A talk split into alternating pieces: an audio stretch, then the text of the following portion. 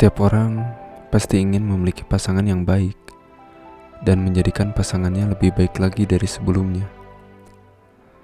Namun, tidak sedikit juga pasangan yang baik itu berubah menjadi pasangan yang buruk, dan begitu juga sebaliknya. Pasangan yang awalnya buruk bisa berubah menjadi pasangan yang baik, karena tiada hal yang mutlak di dunia ini.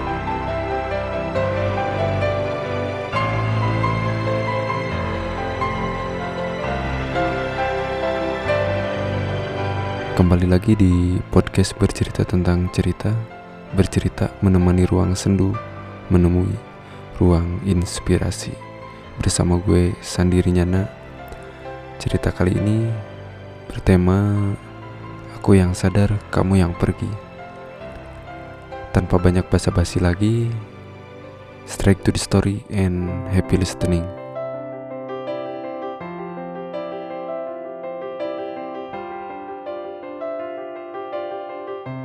Aku merasa beruntung telah dipertemukan dengan dia yang pernah menjadi salah satu cerita di hidupku. Karena dia sudah menjadi pelantara dari Tuhan untuk memperbaiki hidupku.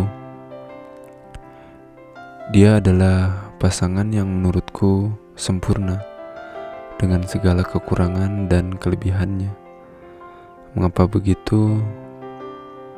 Karena tak bisa aku pungkiri dia adalah sosok yang pertama kali membukakan pandanganku terhadap sesuatu yang menurutku tidak penting menjadi berharga. Contohnya tentang keberadaannya di sampingku terutama yang awalnya menurutku tidak begitu penting karena waktu itu prioritasku hanya untuk ambisi hobiku saja. Dan sekarang setelah aku sadar bahwa dia memprioritaskan hidupnya untukku waktu itu hingga ingin membuat pribadiku menjadi lebih baik. Harusnya aku sadar dari dulu bahwa dia adalah sosok wanita berharga kedua setelah ibuku.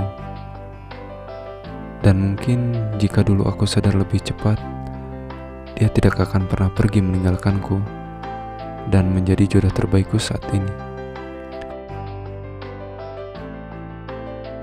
Teruntuk jodohku nanti yang sekarang entah di mana, bukan maksudku mengira kamu bukan jodoh yang terbaik. Namun, untuk saat ini, posisi terbaik itu masih dimiliki wanita itu. Dan jodohku, kelak saat nanti kita bertemu, aku pastikan aku akan menjaga dirimu sepenuh hatiku, dan kamu akan jadi yang terbaik dari yang terbaik di hidupku. Jodohku, jangan marah padanya karena pernah kujadikan yang terbaik. Tapi kamu harus berterima kasih padanya karena berkat dia singgah di sini. Aku menjadi seorang jodoh versi terbaik untukmu sekarang dan selamanya. Sekian cerita kali ini. Semoga cerita ini menjadi inspirasi sendumu untuk lebih sadar tentang seseorang yang berharga untuk hidupmu. Gue sendirinya dari bercerita tentang cerita. Sampai ketemu di episode selanjutnya.